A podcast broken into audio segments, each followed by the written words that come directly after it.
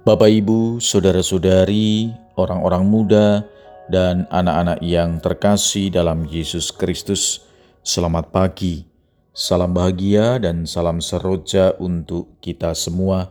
Berkah dalam bersama dengan saya, Romo Antonius Garbito Pambuaji, menyampaikan salam dan berkat Allah yang Maha Kuasa dalam nama Bapa dan Putra dan Roh Kudus. Amin. Hari ini Jumat 14 Agustus dalam pekan biasa ke-19 bertepatan dengan peringatan wajib Santo Maximilianus Maria Kolbe, imam dan martir. Bacaan pertama dalam liturgi hari ini diambil dari nubuat Yeskiel, bab 16 ayat 1 sampai dengan 15, dilanjutkan ayat 60 dan 63. Bacaan Injil diambil dari Injil Matius bab 19 ayat 3 sampai dengan 12. Pada suatu hari datanglah orang-orang Farisi kepada Yesus untuk mencobai dia. Mereka bertanya, "Apakah diperbolehkan orang menceraikan istrinya dengan alasan apa saja?" Yesus menjawab, "Tidakkah kalian baca bahwa Ia yang menciptakan manusia sejak semula menjadikan mereka pria dan wanita, dan Ia bersabda, Sebab itu pria akan meninggalkan ayah dan ibunya dan bersatu dengan istrinya, sehingga keduanya itu menjadi satu daging. Demikianlah mereka bukan lagi dua, melainkan satu. Karena itu apa yang telah dipersatukan Allah tidak boleh diceraikan manusia. Kata mereka kepada Yesus, jika demikian mengapa Musa memerintahkan untuk memberikan surat cerai jika orang menceraikan istrinya? Kata Yesus kepada mereka, karena ketegaran hatimu, Musa mengizinkan kalian menceraikan istrimu. Tetapi sejak semula tidaklah demikian. Tetapi aku berkata kepadamu barang siapa menceraikan istrinya kecuali karena zina, lalu kawin dengan wanita lain ia berbuat zina. Maka murid-murid berkata kepada Yesus, Jika demikian halnya hubungan antara suami dan istri, lebih baik jangan kawin. Akan tetapi Yesus berkata kepada mereka, Tidak semua orang dapat mengerti perkataan ini hanya mereka yang dikaruniai saja. Ada orang yang tidak dapat kawin karena ia memang lahir demikian dari rahim ibunya, dan ada orang yang dijadikan demikian oleh orang lain, dan ada orang yang membuat dirinya demikian karena kemauannya sendiri demi kerajaan sorga.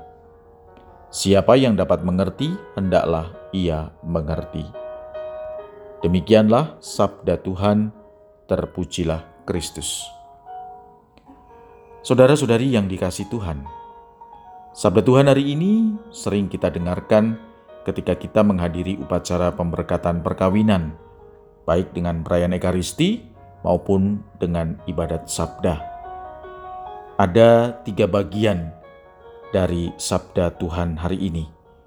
Yang pertama, Yesus menegaskan kepada orang Farisi yang datang hendak mencobai dia dengan mengatakan bahwa Allah menciptakan manusia pria dan wanita.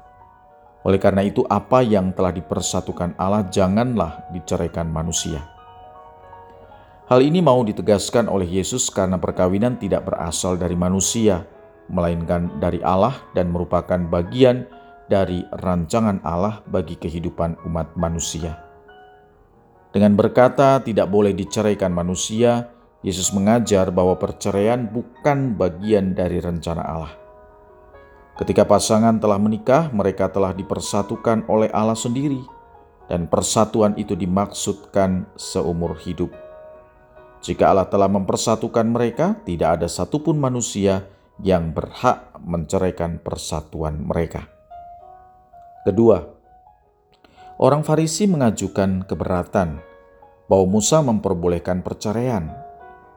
Yesus menegaskan bahwa hal tersebut diperbolehkan disebabkan oleh ketegaran hati mereka, dan dengan demikian mengulangi bahwa perceraian tidak pernah menjadi bagian dari rencana Allah.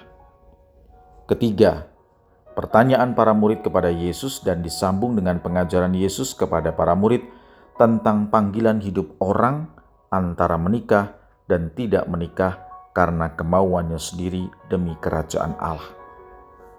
Saudara-saudari yang terkasih, pada zaman ini tidak dapat dipungkiri bahwa jumlah perceraian semakin meningkat.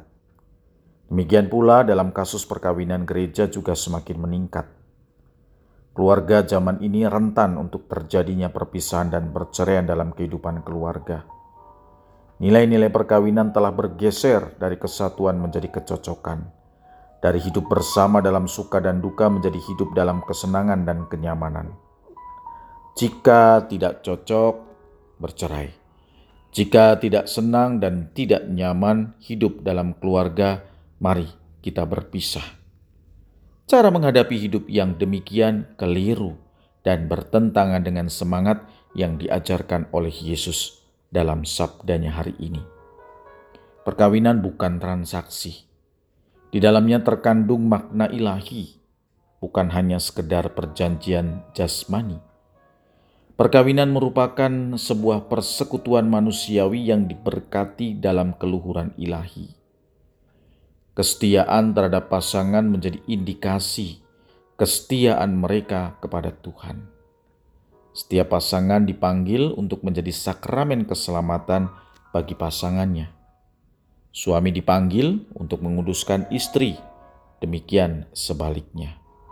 Suami istri dipanggil untuk menguduskan keluarga yang di dalamnya anak-anak hadir bagi mereka, demikian juga sebaliknya. Perceraian hanya akan membawa pasangan pada masalah berikutnya. Lebih bahagia mereka yang dengan kesadaran komitmen membangun keluarga dengan segala daya upaya. Ada masalah dalam keluarga merupakan bagian yang seharusnya semakin mendewasakan setiap pasangan. Hidup dalam perkawinan tidak menjanjikan kebahagiaan yang tanpa masalah, tetapi hidup dalam perkawinan menjanjikan masalah yang mampu diselesaikan bersama akan mendatangkan kebahagiaan bagi setiap pasangan yang mau saling mendengarkan dan memperbaiki diri. Saudara-saudari, apa pun panggilan kita, Tuhan menghendaki kita tekun dan setia menjalaninya. Menghadapi persoalan yang berat, Ia menjanjikan penyertaan untuk selamanya.